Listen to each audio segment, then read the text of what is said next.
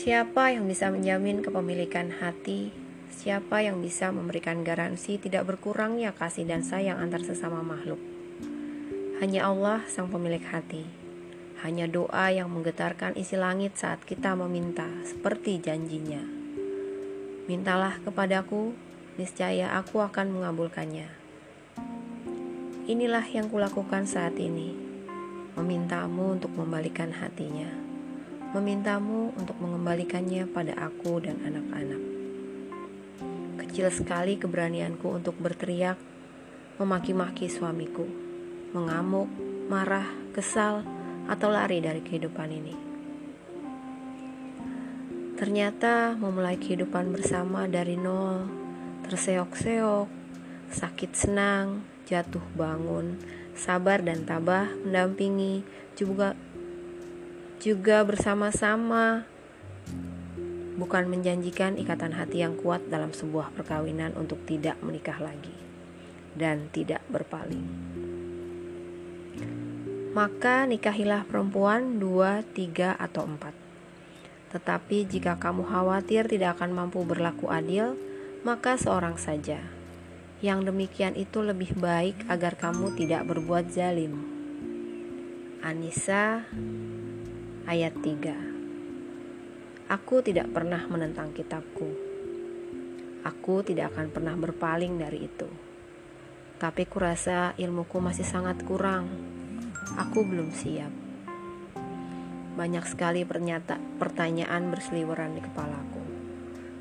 Kenapa ayah? Apa yang salah denganku? Apakah aku sudah tidak lagi menarik di matamu?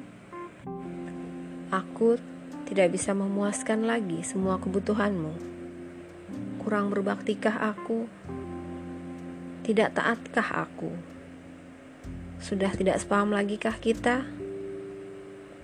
Anak-anak kita, perempuan dan laki-laki. Aku menjalankan apa yang kau amanahkan. Di mana letak salahku? Seribu satu, ah tidak, satu juta, satu juta hal berkeliaran di pikiranku, mempertanyakan keinginanmu untuk menikah lagi. Aku mengerti, cinta bisa terselip dalam hati manusia karena kedekatan, karena kecenderungan. Apakah ayah sering bersama wanita itu? Apakah ia begitu dekatnya dengan ayah?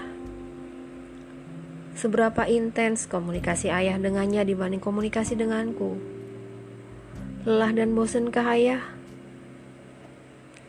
Mataku sudah bengkak sejak sepertiga malam tadi. Sejadah yang kugelar dan ujung mukenaku Sejadah yang kugelar dan ujung mukenaku semuanya sudah basah.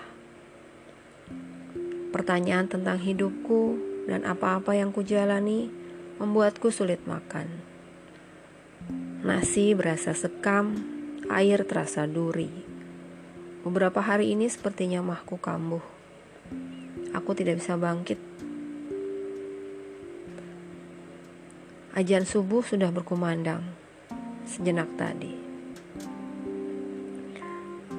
Aku yang seharusnya beranjak untuk mengambil wudhu tidak sanggup berdiri.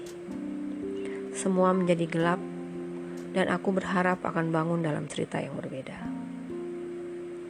Ayah, Umi pingsan.